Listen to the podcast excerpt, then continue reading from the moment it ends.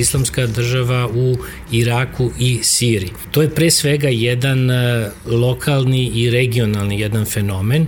Oni su tu odavno, ali su to neke metamorfoze koje imaju veze naravno sa stvarima na Bliskom istoku, bar od vremena američke invazije u Iraku, a onda možda i malo dalje u sve one događaje koje su vodili ka terorizmu Al-Qaide. Ovde je reč, ja sam rekao, o jednoj političkoj organizaciji, to je militantna, džihadistička, transnacionalna jedna politička organizacija koja ima pretenzije da postane islamski halifat, odnosno islamska država koju bi prihvatili onda svi muslimani ili većina muslimana u svetu da bi ona uopšte mogla da kvalifikuje kao halifat. E sad, to je jedan samo proklanovani halifat u stvari, samozvan jedan halifat, jer jedna beznačajna manjina muslimana u svetu, da tako kažem, uopšte prihvata je kao takvo. I to je jedna stvar koju ja moram ovde odmah da naglasim. Znači, niko nerelevantan u svetu bilo kada je reč o muslimanskim državama, muslimanskim organizacijama, uključujući, ne znam, saudijskog e, velikog muftiju koji je salafista, ali ih ne prihvata, druge džihadiste koji ih ne prihvataju, one radikalne muslimane koji su za halifat, ali ne prihvataju ovaj halifat, one salafiste koji ideološki bi mogli da se slože sa stvarima mnogim, ali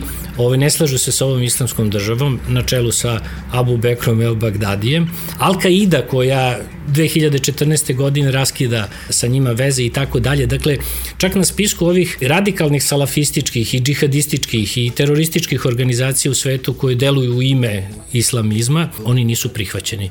E, što nam govori o tome da ta organizacija koliko god da globalno deluje zastrašujuće, nema baš neki kapacitet da može da se održi u neko neodređeno vreme u budućnosti, ali ono što prethodi islamskoj državi je jako bitno. Ona nije uzrok svih ovih stvari koje se dešavaju na Bliskom istoku već duže vremena, ona je posledica toga. Ona je jedna organizacija koja je iskoristila momentum e, totalne destabilizacije tog regiona, rušenja države u Iraku, u Siriji. Ona parazitira u stvari na jednoj krizi koja traje već duže vremena, a deo je jednog i regionalnog i globalnog političkog konteksta, čiji je deo i veliki broj vrlo važnih i uticenih zemalja u svetu, a to su Sjedinjene američke države, to je Rusija, to je Izrael, to je Saudijska Arabija, to je Iran, tu mislim na niz stvari kao što su politički uticaj, prodaje oružja, rekompozicija regiona. Islamska država se odlično uklapa u jedan takav milje. Ona u stvari parazitira na toj krizi i ona je odličan izvor moralne panike koja se stvara sada u svetu i koja nešto što je regionalni fenomen i lokalni fenomen u vreme bez interneta, bez društvenih mreža mi bismo o tome čuli onako sa nekim dalekim prizvukom, jel? Dolazi nam bukvalno svaki dan, plaši nas nekim potpuno neosnovanim i pretenzijama i na kraju krajeva rekao sam jednim odsustom bilo kakve mogućnosti realne da oni postanu nekakva globalna država ili nekakav globalni halifat. Jednostavno oni nisu priznati. Nju pre svega čine Arapi iz Sirije i iz Iraka. Ono što su oni koji su uspostavljali mir takozvani u Iraku želeli jako da urade jeste da potpuno oslabe snage koje su uz Sadama Huseina bile unazad decenijima, to je ova partija pre svega BAS, koja je socijalistička i nacionalistička, ali arapska partija koja nema taj religijski preznak, s tim što su tu suniti bili dominantni koji su inače manjina u Iraku. Međutim, ti suniti nikad nisu bili dominantni kao religijska frakcija. Oni su tu bili jednostavno e, suniti sa nekim identitetom, sunetskim identitetom koji su podržavali jedan politički projekat kako god je bio autoritaran, totalitaran, možemo ga nazivamo kako god hoćemo, ali postojala jedna država koja je koliko toliko imala atribute države, postoji neki politički sistem i postojala je kakva takva stabilnost. Tad ljudi nisu bežali iz tih krajeva kao izbeglice, nego sada to rade. Zašto sada to rade u vreme kada je navodno tamo neka stabilizacija politička postignuta, imamo nekakav uslovno rečeno ovaj, mir, jel? a nije se tad pojavljivala islamska država, nego se sad pojavljaju. To je jako važno da bismo to razumeli. Te nove vlasti koje su bile nametnute od strane međunarodnih faktora, tih koalicijonih snaga, pre svega Amerika je tu kumovala najviše, To je bio jedan program, e, da ga nazovemo, debasifikacije Iraka u stvari, gde bi se sve ove stare strukture počistile i doveli bi se sektaške partije, sektaške organizacije, pre svega šiitske, šiti su većina u Iraku, ali nisu politički bili većina, kao što u Siriji su oni manjina, ali su na vlasti preko Asada. Znači, to je malo taj paradoks. Međutim, insistiralo se strašno na tim sektaškim podelama. I mi znamo kad smo pratili taj rat, nije nam bilo jasno kako to sad ovi suniti bore se protiv šita, bore se protiv koalicijonih snaga, ali ovi šiti se bore protiv sunita i koalicijonih snaga, a tu su i neki kurdi koji se bore protiv ovih ili onih, a sad tu su neki Rusi koji podržavaju ove, ovi Amerikanci podržavaju i tako dalje. Na prvi pogled čovek tu dosta izgubi. Ima neki paradoksalnih zaista situacija. Recimo, američki funkcioneri pokušavaju da pridobiju saudijskog kralja da prihvati iračkog e, premijera koji šita, ovaj kaže ni podrazno, ne želi to da uradi zato što je on iranski tamo čovek ili iranski agent. A istovremeno Saudijska Arabija ove se bori protiv islamske države, a Saudijsko-arabsko društvo, odnosno ljudi koji su tu, da kažemo, na nekom nivou ovaj donatori, oni koji podržavaju islamsku državu, ideologiju i sve drugo su tu prisutni kao partija koja to favorizuje. Znači to su potpuno neke stvari koje deluju krajnje, krajnje paradoksalno, ali su deo tih paradoksa koji su se tamo javili od intervencije, mislim, Đorđa Busha i njegovih savjetnika. I onda se desilo da su ti suniti u stvari koji su razvlašćeni bili, a o čemu se radi? Radi se o 400.000 vojske koja je ostala bez posla. Radi se o milionima državnih službenika koji su ostali tamo bez posla i došli su odjednom neki novi ljudi, neki premijer koji je šit, koji nema podršku uopšte ovaj, tog stanovništva I naravno da, da se tokom već samog rata da su javile te različite frakcije i ti sukobi, oni koji nisu želili da prihvate u stvari tu novu neku političku strukturu i vojnu strukturu u Iraku. Malo pri kad si pomenuo partiju Bas u Iraku, Dobro. Sadama Huseina, Dobro.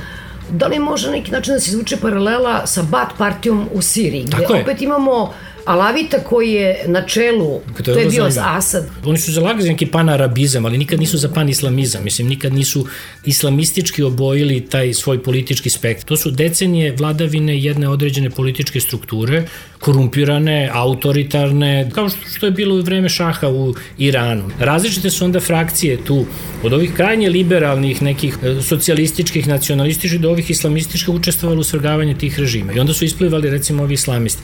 Nešto se slično desilo ovde utoliko što je tu prevladala ta neka islamistička opozicija tom režimu koji je s pravom shvaćen kao neko strano telo u organizmu tih država i tih društava.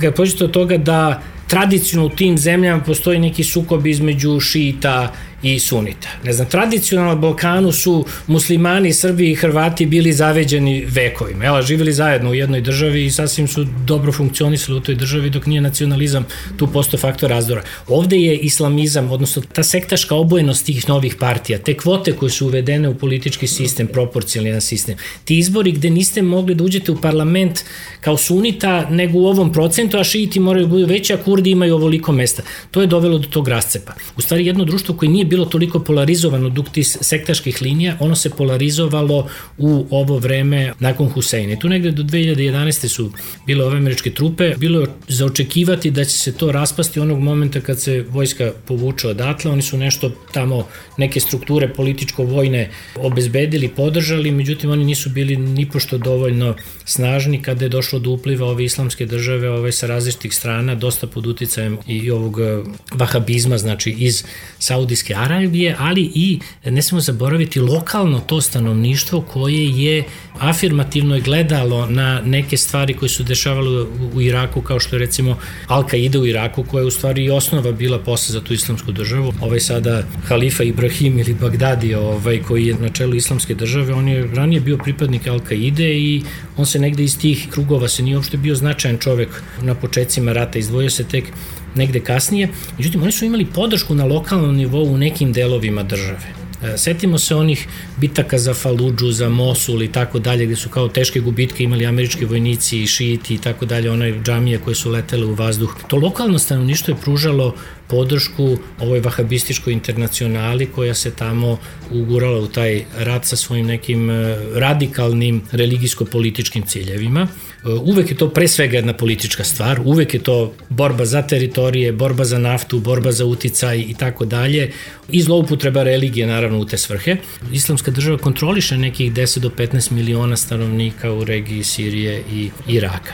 Da kažem kratko o tom vahabističkom, salafističkom tom uticaju i to ja zovem vahabističkom internacionalom, zato što oni zaista imaju tu mrežu koja je mnogo ranije uspostavljena na nekom globalnom nivou. To su neke tri generacije džihadista, počevši od e, rata u Afganistanu ove 80. godine, pa onda 90. godine Čečenija, Bosna, Mujahidini, znači koji tu ratuju, do najnovijih ovih sad dešavanja u Iraku i Siriji, znači već tu postoji tri generacije tih e, salafističkih džihadista. Salafizam je jedna religijsko-politička doktrina koja ima svoje korene u Saudijskoj Arabiji, Pre svega 18. vek je tu važan. Muhammed ibn Abdul Vehab koji je bio rodonačelnik te ideologije, a ima i dublje korene u islamu koje sežu u 14. vek učenje jednog poznatog islamskog teologa Ibn Taymije i još u 9. vek do Hambalitsko-verske pravne škole. Zašto to govorim? Zato što današnja ta islamska država ima jaku potrebu da se veže uz te korene, uz tu tradiciju, da se to bože poveže sa tim početcima islama.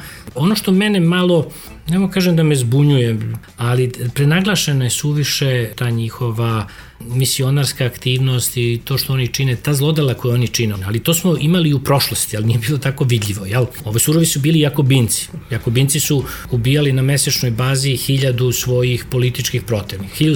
1794. kada je svet bio mnogo manji, hiljadu ljudi je brutalno preživjela egzekuciju pod Jakobin. To je zvalo jakobinski teror i jakobinska diktatura. I imali smo nekakve komunističke i druge internacionale širom sveta, imali smo različite terorističke organizacije, da je tad bio internet, Pol Pota. Većina njih bi žela, Pol Pot, većina njih bi žela da zastrašuje svet na taj način. Toga je bilo i u prošlosti. Ovo što danas je različito jeste da to postoje vidljivo, to nam ulazi u naše kuće ovaj, putem društvenih mreža i to je deo propagande islamske države. Ali oni koji preuzimaju sve to, Mediji danas, svetski mediji, znači ozbiljni mediji koji to prihvataju kao dnevnu potrebu, znači da mi treba gledamo svaki dan kada se neko tamo ovaj, na surov način, brutalan način ubije. E sad zbog te medijske pažnje, zbog tog zastrašivanja, zbog svega ovoga što oni rade tamo, pre svega u lokalu, najviše su stvari nadrljali Iračani i, i Sirici da se razumemo. Dakle, ovo sve drugo je vrlo periferno u odnosu na to, zadobija neverovatno veliki značaj i jedna pojava koja bi kako kažem, to je jedan od aktera u celom ovom zamešateljstvu ovaj, u Iraku i Siriji, odjednom, odjednom je u fokusu. E sad, možemo naravno neko ko se bavi tim geostrateškim i političkim analizama i međunarodnim odnosima, mogu sad razmišljati možda o tome zašto bi neko želeo baš da ovo bude toliko u prvom planu, da li možda jedan od ciljeva može da bude da se ne vidi ono što je u suštini brljotina koja je od samog početka nastala. Od vremena kad je Colin Powell govorio nemojte to da radite, jeste vi normalni, mislim, imali smo već jedan rad 91. tamo, to je neodrživo. I ne možete tek tako, pazite, reč je o nekih ovaj, 55-57 miliona stanovnika u Siriji, u Iraku. Irak ima oko 35 miliona, Sirija ima oko 22 miliona. To je ogroman broj ljudi. Vi ne možete se politički tek tako tu ubaciti 360 stepeni, promeniti ceo taj sistem i misliti da, da je to održivo.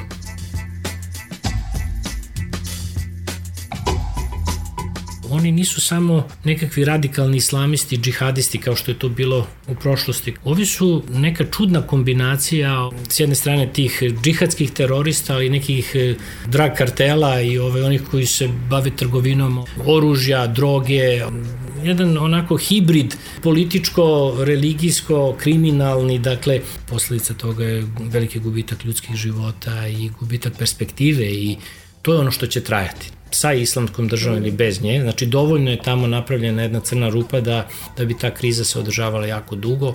E sad, e, ima nekih, procenjuje se oko 50 različitih organizacija koji nama ništa apsolutno ta imena ne bi značila, širom sveta koji su lojalni i podržavaju ovu islamsku državu. Znači od Boko Harama tamo u Nigeriji koji prave probleme ne samo u Nigeriji, nego u celom tom regionu, u tom pojasu Čada, Nigera, Senegala, dakle to je jedan mnogo, mnogo širi pojas gde Boko Haram u nazivu to znači ove, da je zabranjeno ovo zapadno obrazovanje. Autentični čuvari islama tobože, tako što švercuju kokain i, i finansiraju se. Ovaj. Onda imamo, imamo sve tamo do Indonezije, znači ogranke toga. E sad, kada reč o Hezbollahu, Hamasu, to su te neke organizacije iz iz ranije generacije, rekao bi. Tu sad postoji ta neka surevnjivost opet na liniji šiti suniti. Utica Irana, recimo, na ove organizacije kao što Hezbollah i Hamas i e, preko te šiitske veze, to je ono čemu se suprostavlja Saudijska Arabija. Dakle, Saudijska Arabija ne na formalnom nivou, ne na nivou kralja, dinastije i tih e,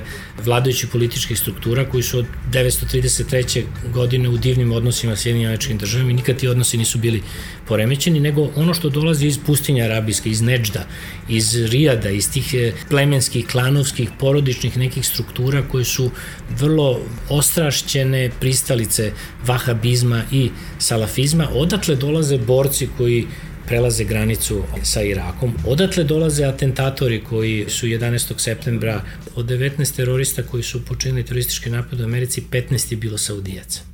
Danas kada gledamo na nivou podrške koju islamska država ima, ja sam rekao, većina su Arapi iz Sirije i iz Iraka. Kad gledamo međunarodno, najveća podrška za njima dolazi iz Tunisa, koji je juče bio sekularna država, druga iz Saudijske Arabije, zatim iz Turske i onda dolazi Jordan i još neke tu zemlje iz regiona, plus Velika Britanija, Francuska, Nemačka, dakle veliki vahabistički centar u Beču u Austriji, on dosta je u vezi sa ovim e, događanjima na Balkanu, dakle Bosna i Sanđak i sve ovo što, e, što smo imali te priče ovim domaćim salafistima, jel, ova Furkanova međid u, u Novom pazaru, pa onda Sarajevo, El Mujahedin, ove jedinice koje su od 92. u Bosni bile aktivne ti muđahedini, ti sveti ratnici koji su se vahabisti pre svega zadržali onda u Bosni, u Gornjoj Maoči, u ovim nekim delovima Bosne gde su se oženili, e, formirali porodice.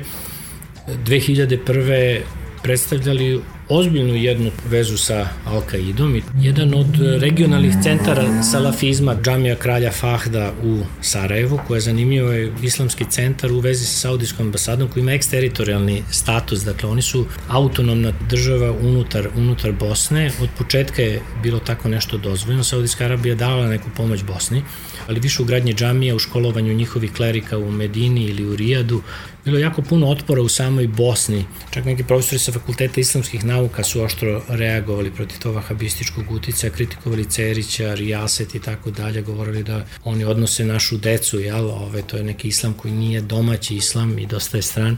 Ja sam dva puta bio u toj džami Kralja Fahte i tom islamskom centru sa studentima, obilazili smo to malo. To je ovako jedno mesto koje možda primi oko 5000 vernika i vjerojatno je najveći prostor za molitvu ovde na Balkanu.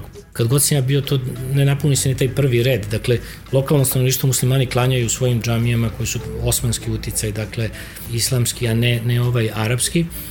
To nije neki neofundamentalizam u zapadnoj Evropi gde su se do juče stanovnici upoznali s nečim, ova druga, treća generacija muslimani koji su rodili tamo jednom prihvataju nešto born again ovaj, muslimani, jel? I onda preko noći poslaju nekakvi borci za stvari islama. Tu nastaje problem u stvari.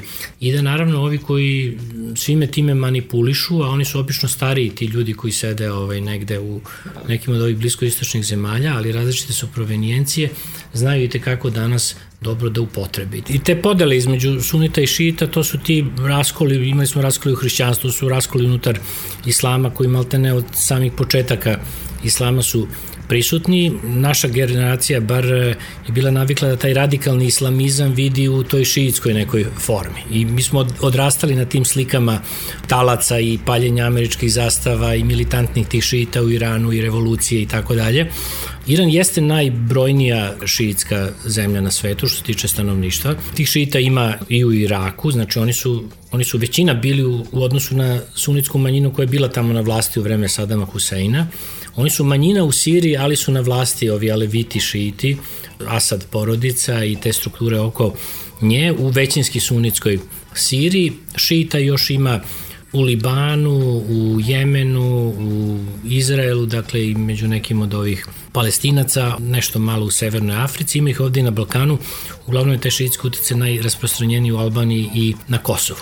90% muslimana danas u svetu su suniti, oko 10% su šiiti. Glavna sunitska zemlja ili zemlja sa tim izrazitim sunitskim obeležem u regionu je Saudijska Arabija. Dakle, imamo Iran s jedne strane izrazito šiitski, imamo Saudijsku Arabiju. To nije nevažno i za ovu priču regionalno koju smo govorili, geopolitičku.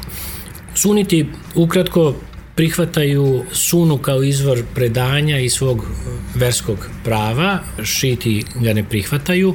Suna je u stvari nekakva normativna praksa koju je, veruje se, ustanovio i sam poslanik Islama Muhamed, koji je se ponašao na određen način, rešavao neke situacije svakodnevne na određen način i iz one na objašnjenja unutar prava islamskog gde ne nalazimo podatke u Kuranu samom, ne nalazimo dakle rešenje ili odgovor u Kuranu, onda se konsultuje suna. Dakle, konsultuje ta normativna praksa i ponašanje Muhameda i njegovih prijatelja, saputnika, oni koji su se tu nalazili, koji su svedoci onda tog njegovog ponašanja i kao takvi učestvuju u toj predaji. To je pomalo ako bismo uslovno samo poredile, zaista uslovno sa hrišćanstvom imamo Bibliju, a imamo i sveto predanje, jel? I jedno i drugo je važno naravno kao element religije. Konkretno, dakle, suniti prihvataju tu vrstu te normativne predaje kao deo svoje tradicije, dok šeiti to ne rade. Oni imaju neke svoje opet izvore tradicije, te sukcesije tih imama istorijski gledano i razlikuju se u toliko što njihovo shvatanje halifata je malo drugčije od, od sunita, dakle ovde bi halifa bio u sunizmu neko ko je religijski i politički vođa jedne države po uzoru na poslanika Muhameda i ove pravoverne halife koje su posle kao Abu Bekr, Osman, Omer i Alija i tako dalje bili na čelu te države. Jer islam od samog početka nije bio samo religija, nije bio samo ni, ni kultura, ni na kraju krajeva jedna specifična civilizacija, nego je bila jedno versko-pravno ustrojstvo, jedan pravno-politički poredak. U suštini tu se pitanje države pojavilo od samog početka.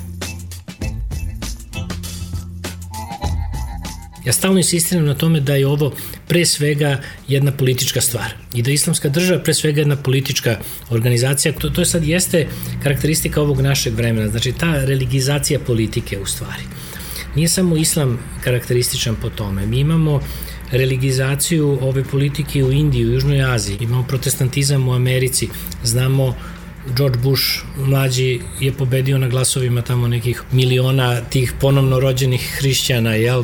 Nije islam tu specifičan, ja bih mogu da kažem čak i u ovim s aspekta ekstremizma i terorizma, da navedem neke podatke koje mogu da nas iznenade. A sve se dešavalo pre 11. septembra 2000 prve godine. U periodu negde od 965. do 995. godine tri puta se povećao broj ekstremističkih organizacija u svetu sa religijskim predznakom. I u istom negde periodu 50% akata terorizma u svetu su bili religijski motivisani. I to najrazličitije religijske tradicije. Mi danas imamo militantne hinduse, imamo militantne hrišćane, Timothy McVeigh, Veiko i sve ono što se dešavalo 90. godina u Americi je direktno bilo pod tim religijskim uticajem. Dakle, to su takođe ti neofundamentalisti u stvari koji su, imaju tendenciju da preuzmu to političko polje da ako mogu da ga normiraju na način na koji oni žive i tu nastaju problemi. Nisu problem Amiši koji žive stotinama godina na isti način i kažu ovi svi će da propadnu, mi ćemo jedini preživeti, ali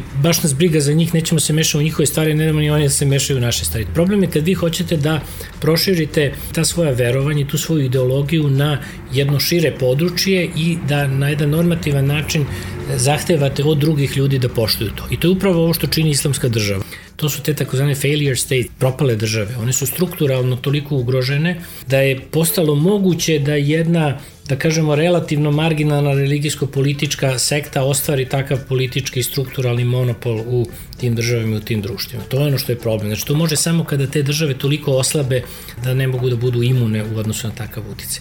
Ima ovaj radikalne salafiste, to je praktično, pogotovo u zapadnoj Evropi i u Nemačkoj, postao sinonim za teroristu. Salafizam je čitav spektar sad opet tih nekih učenja. U samoj Saudijskoj Arabiji, recimo, imaćemo sigurno ovaj dobar broj značajnih salafista koji uopšte neće podržavati ovu vrstu radikalizma. Ovo je stvari taj salafistički džihadizam. Ne bi svi džihadisti podržali ovo, ne bi svi salafisti to podržali. Alka Ida je bila protiv toga da se cilja muslimansko stanovništvo u ovim napadima, su više bili protiv Zapada i ove koalicije, iako Al-Qaida osnova bila za, za islamsku državu, stvari da i to razjasni. Zanimljivo, međutim, talibani da nisu salafisti, oni pripadaju hanefitskoj školi, a isto su rušili ove budine stat u Bamijanu. Da, znači, često se misli da su talibani iz istog spektra, oni, dakle, niti su Arapi i nisu salafisti, recimo, ali su slični po tome i činjenice da su salafisti, ovi radikalni salafisti od Bin Ladena, svi ovi što su posle ostali i od posle afganistanske okupacije, da su u Afganistanu uglavnom imali svoje uporište. Danas se to malo preselilo prema onoj granici sa Pakistanom. To je ono što može da nas buni. Recimo danas vidimo kao neki dronovi tamo američki u Pakistanu gađali neke ciljeve, a Pakistan je zemlja koja sarađuje sa Sjedinim državama. Saudijska Arabija izvanredno sarađuje sa Sjedinjenim državama, a imamo vojnike dobrovoljce, druge najbrojnije ove iz dijaspore koji su iz Neđda tamo iz one pustinje ušli u Irak i ratuju na strani islamske države. Inače, zanimljivo je sad i tu unutar Saudijske Arabije taj regionalni ti neki varijeteti postoje. Recimo, ovaj teološki fakultet islamskih nauka u Medini je nešto umereniji recimo nego ovaj u Rijadu taj u Rijadu zovu fabrikom terorizma recimo. U Medini se školovao jedan broj i mama i klerika i ovde na Balkanu, znači neće nas iznenati s vremena vreme kad vidimo da neko od ovih koji ili uhapšen ili priveden ili šta ja znam da je završio neki fakultet. Pitanje šta je on završio, da je on završio zaista pravi islamski fakultet ili neki kurs skraćeni. Ovaj. I tu onda svega ima, u Bosni je bilo ti komičnih nekih stvari, recimo njihove interpretacije šerijata, ovaj, što je poginuo sa obraćaj e, nesreći Jusuf e, Bačić, mislim da, da se prezima, on je bio protivnik semafora, recimo, on je govorio da semafori nisu po šerijatu i stalno je prolazio kroz šeme, mislim, stvarno onako potpuno pravo, on je poginuo u saobraćenoj nesreći. Oni uče lokalno stanovništvo kako da klanja, jel, tamo, ovaj, kao ovi ne znaju to. Međutim, ovaj, pomirljiv je stav bio tih lokalnih e, islamskih zajednica iz različitih pragmatičnih razloga, to je bilo u Bosni, u Makedoniji takođe, recimo, islamska zajednica u Makedoniji je sunitska zajednica jako bila benevolentna prema domaćim tim vehabijama koji su recimo 2002. godine upali su u Harabati tekiju, jedna od tri najznačajnije bektašijske tekije van Albanije. Jedno u Đakovici, jedno u Americi i taj ta treća Harabati u Tetovu. Upali su sa dugim cevima vehabije i preuzeli su jedan istorijski spomenik tamo, koji nikad nije bio džamija, bio derviška tekija, pripada bektašijama koji su ova levitsko-šiitska grana unutar sufizma i unutar sufijskog islama i bukvalno su preuzeli tu građevinu. Ovi su bektašije žalile ovaj prvu islamskoj zajednici, makedonci uopšte nisu hteli oko toga da reaguju. Na Kosovu su oni nešto posle 99. pokušavali, znači tu kad i saudijski ovaj komitet za, za pomoć koji infiltrira tu ideologiju direktno još neke ove organizacije. I oni guraju naravno tu vahabističku verziju, međutim ovde na Balkanu zaista nisu imali uspeha. I u Bosni se tu onako u različitim periodima se malo flertovalo tu sa vahabizmom. Jedno vreme čak i u Sanđaku sećamo se ono kako je bilo kad su tamo lokalni neki klerici puštali brade, ali nekog većeg utice nisu imali, međutim ta pomoć, znači to što je stizalo, ovi kad su pravili taj islamski centar do kralja Fahta, ja sećam, to je bilo i neko sirotište, to je bio neki sportski centar, to je bio kulturni centar, znači sve to išlo u okviru ambasade ove saudijske, ali je i privlačilo lokalno stanovništvo da učestvuju svim tim aktivnostima na neki način da oni postanu bolji muslimani jel, nego, nego što jesu. Desilo se međutim to što je ovako jedna stvar koja nije uobičajena za region, recimo da, da su neki profesori s fakulteta islamskih nauka u Sarajevu protestovali protiv Rijaseta i to kompromisnog odnosa u vreme Cerić dok je bio još rejs prema Saudijskoj Arabiji. Znači, neobično je da neki bogoslovski fakultet, teološki fakultet u regionu protestuje protiv vrha svoje religijske zajednice. Znači to oštro se protestuje. Bottom line što bi rekli ovaj, Amerikanci kad se povuče ta crta, saudijska pomoć u Bosni je tokom rata i posle rata bila tek peta po, po veličini. Jedna Švedska je recimo davala mnogo više za Bosnu, sekularna Švedska danas nego, nego Saudijska Arabija. I ta pomoć Saudijska je bila uvek skoncentrisana na ovo što je religijski aspekt. Izgradnja novih džamija, školovanje klerika, distribucija literature, pokušaj da se pridobiju tu neki mladi ljudi za stari islama. Za Kurde, da kažem, su četvrta po veličini najbrojnija etnička zajednica na Bliskom istoku. Posle Arapa, Turaka i Persijanaca koji su u Iranu najbrojniji, oni su četvrta, ali jedina bez države. Negde oko 35 miliona Kurda danas ima u svetu. Oni žive, raspoređene su u četiri susedne države na na Bliskom istoku, znači ima ih u Turskoj, ima ih u Siriji, ima ih u Iraku, ima ih u Iranu. Procenju se negde oko 25% stanovnika Turske da su Kurdi, Turci to nikad neće priznati, negde oko 25% mislim da i u Iraku negde ih ima, u Siriji i u Iranu možda nekih 10 do 15%, ali to je sve statistički izuzetno relevantno kad su u pitanju manjine. Kada je došlo do ovog prevrata u Iraku, kada je svrgnut Saddam Hussein, oni su bila jedna od tih sektaških grupa za koje je Zapad e, smatrao koalicijone snage da oni treba sada da proporcionalno preuzmu deo te vlasti koja je oduzeta od ovih basističkih sunita. Jel? Međutim, ovo što je sad u novije vreme postalo vrlo paradoksalno, recimo to učešće sada Turske u ovim sukobima oko islamske države. Vidimo da oni obezbeđuju tamo neki prostor ovaj, kao članica NATO za te američke avione i za te intervencije NATO pakta pre svega, a s druge strane oni sami napadaju kurde u Iraku, to je ono što je tu potpuno neshvatljivo, kao i ovo učešće recimo Irana ili Saudijske Arabije, gde vi učestvujete u koaliciji, ne znam, tamo protiv islamske države, a istovremeno i Saudijske Arabije preko ovih nekih struktura pomažete islamsku državu, mislim, ili ne znam da ne govorim sad o ovaj, uticaj Rusa i, i sve ovo dalje što ima. Dakle, svako tu neki svoj deo interesa i nekog kolača hoće da ima i postavlja očigledno uslove. Ono što se dešava na terenu je onda potpuni jedan haos. Znači, Kurdi s jedne strane ratuju protiv islamske države, Turska ratuje protiv islamske države, ali Turska bombarduje Kurde.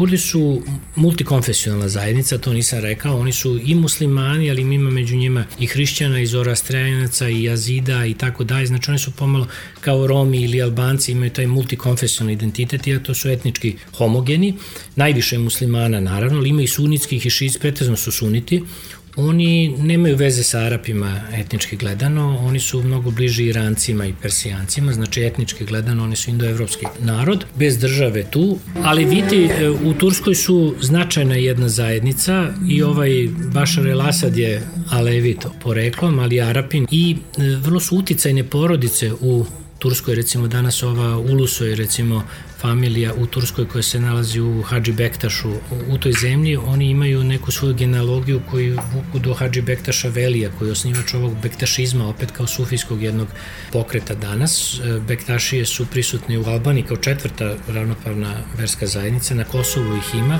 Oni su po meni najliberalnija grana unutar islama. I nije slučajno se, kažem, ova tekija u Makedoniji recimo našla baš pod udarom Vehabija, Uopšte, da bismo razumeli te političke procese u, ne samo u Bliskoj istočnoj zemlji, u Severnoj Africi, među Arapima, porodice, te porodične veze i to više decenijske, nekad vekovne su ono što tu najviše ima veze. Dakle, ako ćemo da pokušamo da razumemo ta društva, moramo da razumemo koje su te uticajne porodice koje vladaju samom zemljom i oko toga se onda vrti sve i politički uticaj i korupcija, sve, sve, sve, znači ima, ima veze sa tim. Iz jednog takvog klana osnovom je i poslanik Islama Muhamed potukao klan Kurejš u...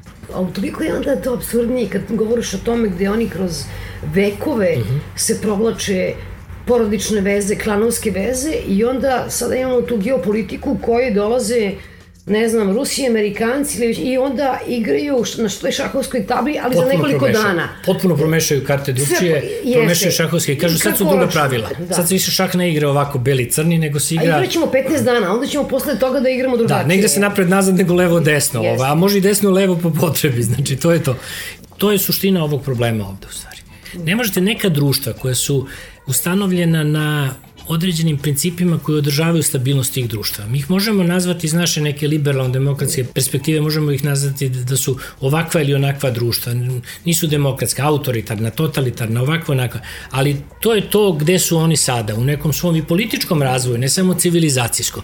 I ovaj ne znači da ta društva se neće demokratizovati, ali osnovno je da sami građani, dakle, se opredele za ono što oni žele. Ne da ih neko drugi da im određuje kvote tamo i proporcije kako će oni učestvovati u parlamentu preko svojih predstavnika. Da oni kažu mi ne želimo uopšte ovo, ovo je nama nametnuto tako. Ovde u Srbiji, sad kad je bilo ono bombardovanje 99. godine, zamislimo sad da su tu ušle nekakve koalicione snage, jel, NATO pakta u Srbiji, sada su rekle, dobro bi bilo sad, pošto je, ne znam, Slobodan Milošević tamo bio Srbin i ovaj, uglavnom je bila ta srpska struktura negde u Beogradu, da sad nekog, recimo, Albanca sa Kosova dovedemo za predsednika Srbije Ove, to bi bilo logično s obzirom da su oni toliko trpeli tamo na Kosovu. Znači, mislim, jednostavno je neodrživo. Neodrživo je to tako. Bilo bi lepo tako nešto da može da se desi u normalnim nekim demokratskim uslovima u ovoj zemlji, što je teško zamislivo. Ali, recimo, u ono vreme da je došlo toga i onda sećaš se i one prično fiks ideje tada da će bombardovanjem Srbije da će doći do naglog prevrata, zato će se okrenut će se opozicija protiv Miloševića Tad su najveće represije bile, ako se sećaš, i prema novinarima i političarima, bivšim, sada jedna paranoja je totalna bila i smatralo se da u tim uslovima rata, odnosno anarhije i svega da je sve dozvoljeno. I onda su najveći zločini u stvari počinjeni u tim uslovima. Jednostavno, dobro je ako se te autohtone neke strukture, političke, društvene i druge mogu naći koji će da obezbede taj prevrat. Nije se slučajno u Srbiji to desilo baš 5. oktobra, nije se desilo, ne znam, tamo 99. godine u, u martu mesecu, jel?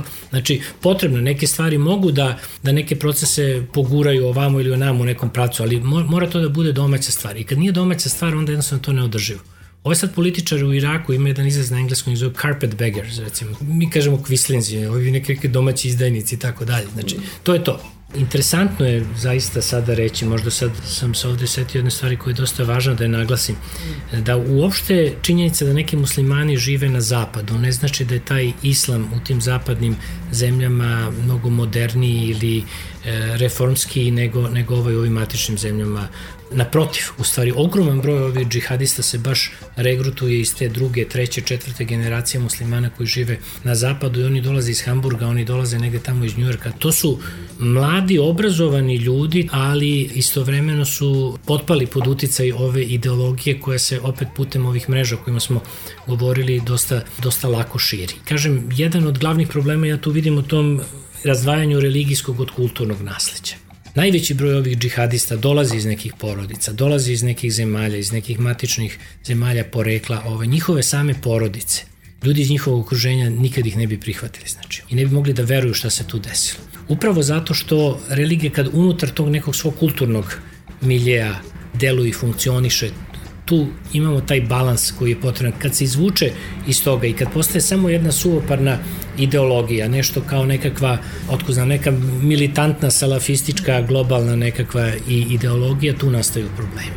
I to što se danas dešava u svetu i to je ta najveća opasnost i brzina kojim se to širi upravo zbog, zbog tehnologije i ovih mogućnosti. To je, to je deo, I to je nov jedan fenomen za koji mi još nemamo instrumente, ja da kažem i u nauci, u društvenim naukama i, i u političkim naukama i u studijama religije, još nemamo dovoljno pouzdane instrumente da te stvari možemo da ispitamo. One se jako brzo dešavaju, prosto izmiče predmet proučavanja, ovaj, transformiše se dok vi pokušavate da ga razumete.